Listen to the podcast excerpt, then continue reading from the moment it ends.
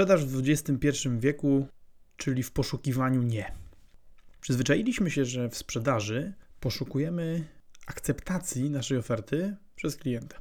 W związku z tym, wszystko co robimy skupia się na tym, żeby usłyszeć jak najwięcej tak. Jest zresztą sporo technik sprzedaży, czy takich partych o e, techniki komunikacyjne, które skupiają się na tym, ażeby doprowadzać do tego, żeby klient jak najwięcej mówił nam tak.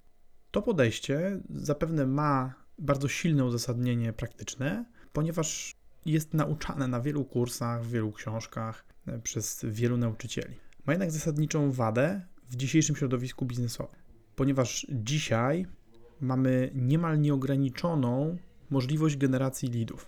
Kiedyś nasza możliwość sięgania do lidów była ograniczona zasięgiem terytorialnym. W związku z czym znacznie ważniejsze było to, żeby w cudzysłowie męczyć klienta tak długo, aż zdecyduje się kupić nasz produkt. Dzisiaj, przez to, że dzięki internetowi i dzięki powszechnemu dostępowi do obcych języków, możemy niemal w nieskończoność poszerzać nasze terytorium sprzedażowe, to znacznie ważniejszą umiejętnością może być dochodzenie do nie. To jest metoda, którą ostatnimi czasy kieruje się w sprzedaży.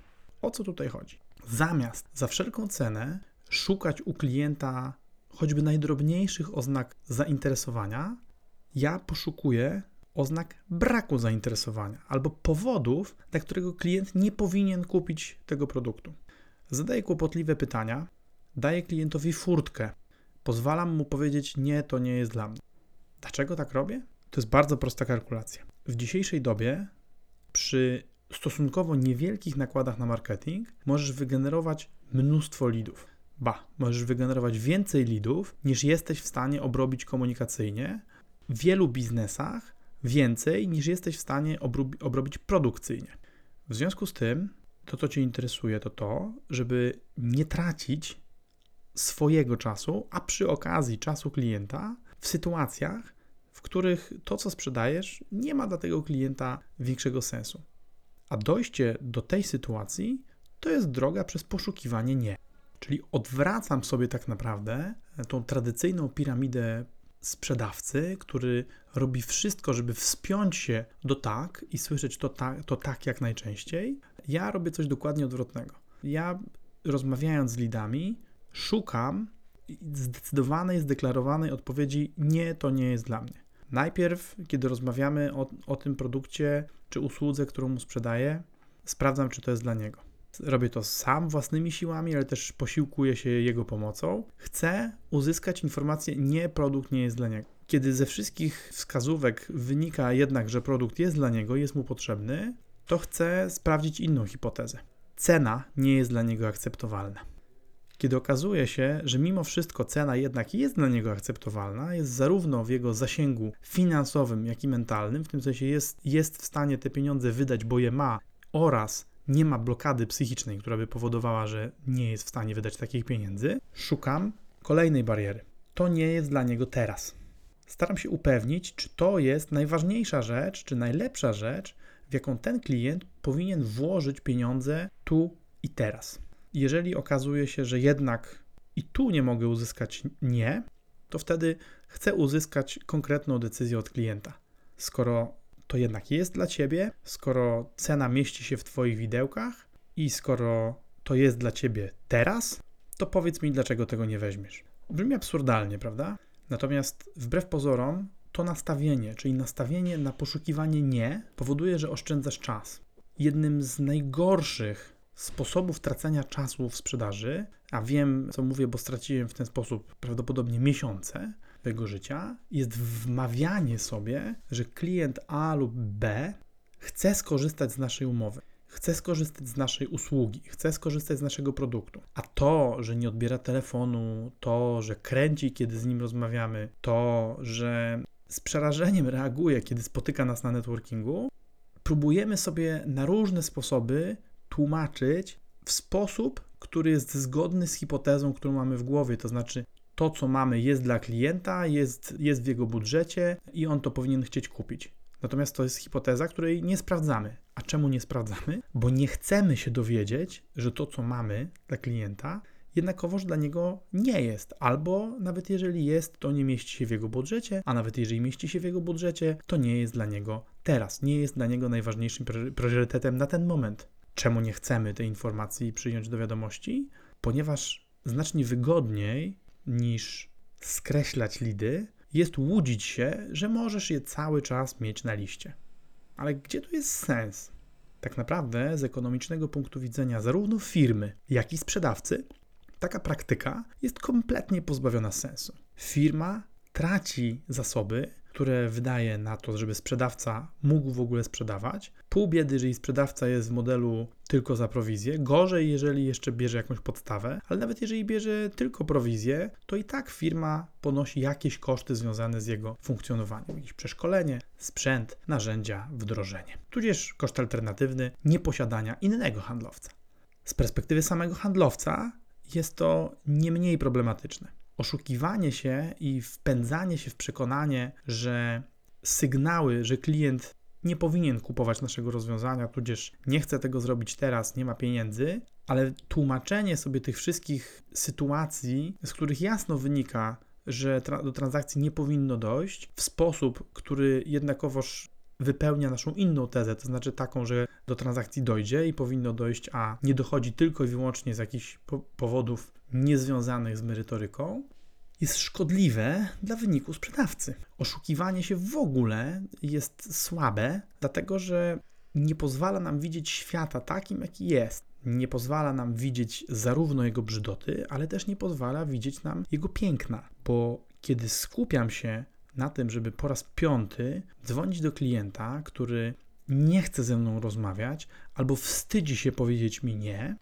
mógłbym rozmawiać z kimś, kto czeka na mój telefon, kto czeka na moje rozwiązanie.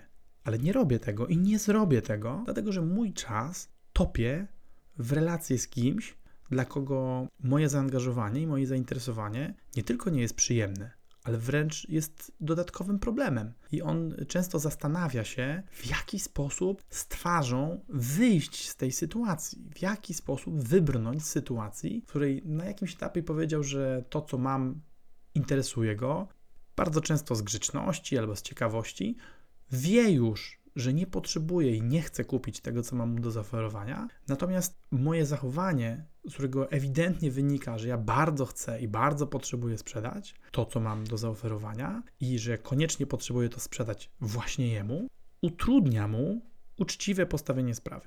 W związku z tym, w ciągu ostatnich lat, kiedy dotarło do mnie, że Szkoda mi czasu mojego, ale również tych klientów na zawracanie im głowy.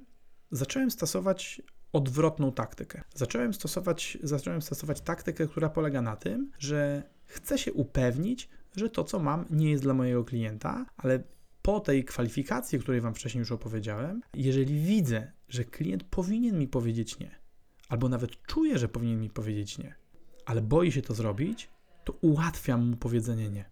Brzmi to pewnie odrobinę kuriozalnie i właściwie idzie wbrew wielu technikom czy systemom szkolenia sprzedawców, gdzie sprzedaż na poczuciu winy, tudzież poczuciu zaangażowania jest jedną w ogóle z kluczowych technik. Natomiast taka sprzedaż, trzeba pamiętać, ma swój rachunek w przyszłości. Jeżeli ktoś kupi mój produkt, bo jest mu zwyczajnie głupio powiedzieć: Maciek, nie kupię tego, co masz do zaoferowania, i zapłaci za ten produkt, prawie na pewno nie będzie szczęśliwy, że go kupił, ba, będzie zły. I potem wszystkie pretensje związane z tym zakupem, złość za swój brak asertywności, za to, że ten produkt nie spełnia jego oczekiwań, tudzież wściekłość małżonka czy małżonki, którzy są niezadowoleni, czy partnerów biznesowych, którzy uznają ten zakup za bezsensowny, będzie przypisywał nam.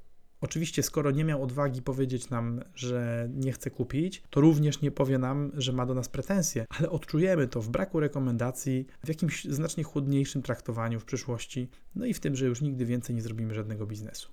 Jedna z najważniejszych rzeczy, jakie przyświecają mi w biznesie, to składanie takich ofert, które gdybym był po drugiej stronie, sam chciałbym przyjąć albo sam zgodziłbym się przyjąć. Dlaczego? Dlatego, że to daje choćby cień szansy na powtórzenie biznesu. I buduje przestrzeń na to, żeby tworzyć długoterminową, długoterminową relację handlową, w której ten drugi będzie ode mnie chciał kupować kolejne rozwiązania. A wymuszona sprzedaż oparta o zasady zaangażowania albo o poczucie winy drugiej strony będzie powodowała, że ten człowiek w najlepszym razie będzie mnie unikał, a w najgorszym będzie wręcz opowiadał mnie, że jestem manipulatorem, naciągaczem i najlepiej obchodzić mnie szerokim łukiem. Podsumowując, namawiam Was do tego, żebyście oszczędzali swój czas, czas klientów i szanowali to, że żyjemy w dobie, w której można sobie tanim kosztem stworzyć wiele lidów i żebyście tym lidom nie sprzedawali w taki sposób, jak sprzedawało się kiedyś, kiedy ilość lidów była drastycznie ograniczona. Jeżeli czujesz, że nie powinieneś tego sprzedać Twojemu klientowi, że dla niego to, co masz do zaoferowania, nie jest najlepszą inwestycją posiadanych przez niego pieniędzy, tudzież nawet nie jest najlepszą inwestycją posiadanych przez niego pieniędzy na dzisiaj, bo mógłby w co innego włożyć pieniądze, to wprost mu to powiedz. Robię tak od kilkunastu miesięcy i skutki są takie, że ci klienci, którym powiedziałem, wiesz co, nie, to, to, to o czym rozmawialiśmy, nie jest dla ciebie, szanują mnie znacznie bardziej, niż gdybym próbował im na siłę sprzedać to, co chciałem im sprzedać. Natomiast klienci, którym onegdaj sprzedawałem metodą dochodzenia do tak, zwłaszcza tacy, którzy kupili tak naprawdę nie chcąc kupić, nie przynoszą żadnych wartości dodanych, a bardzo często nasze relacje w ten sposób się kończą. Życzę Wam udanych sprzedaży. Jako sprzedawcom numer jeden, właścicielom firm, jest Wam pewnie łatwiej niż każdemu innemu. Natomiast stosując metodę dochodzenia do nie, czy stosując tą strategię zorientowaną na poszukiwanie nie u klienta, być może będzie Wam jeszcze łatwiej, jeszcze lżej, na pewno długoterminowo. Krótkoterminowo też odczujecie efekty, bo nie będziecie tracić czasu na ludzi, którzy tak naprawdę nie chcą od Was kupić, a w związku z tym będziecie mieli czas dotrzeć do tych, którzy na Waszą ofertę czekają. Powodzenia, sukcesów i obsługiwania klientów w taki sposób, żeby byli długo, długo szczęśliwi i wspominali dzień, w którym Wasze ścieżki się przecięły. Powodzenia!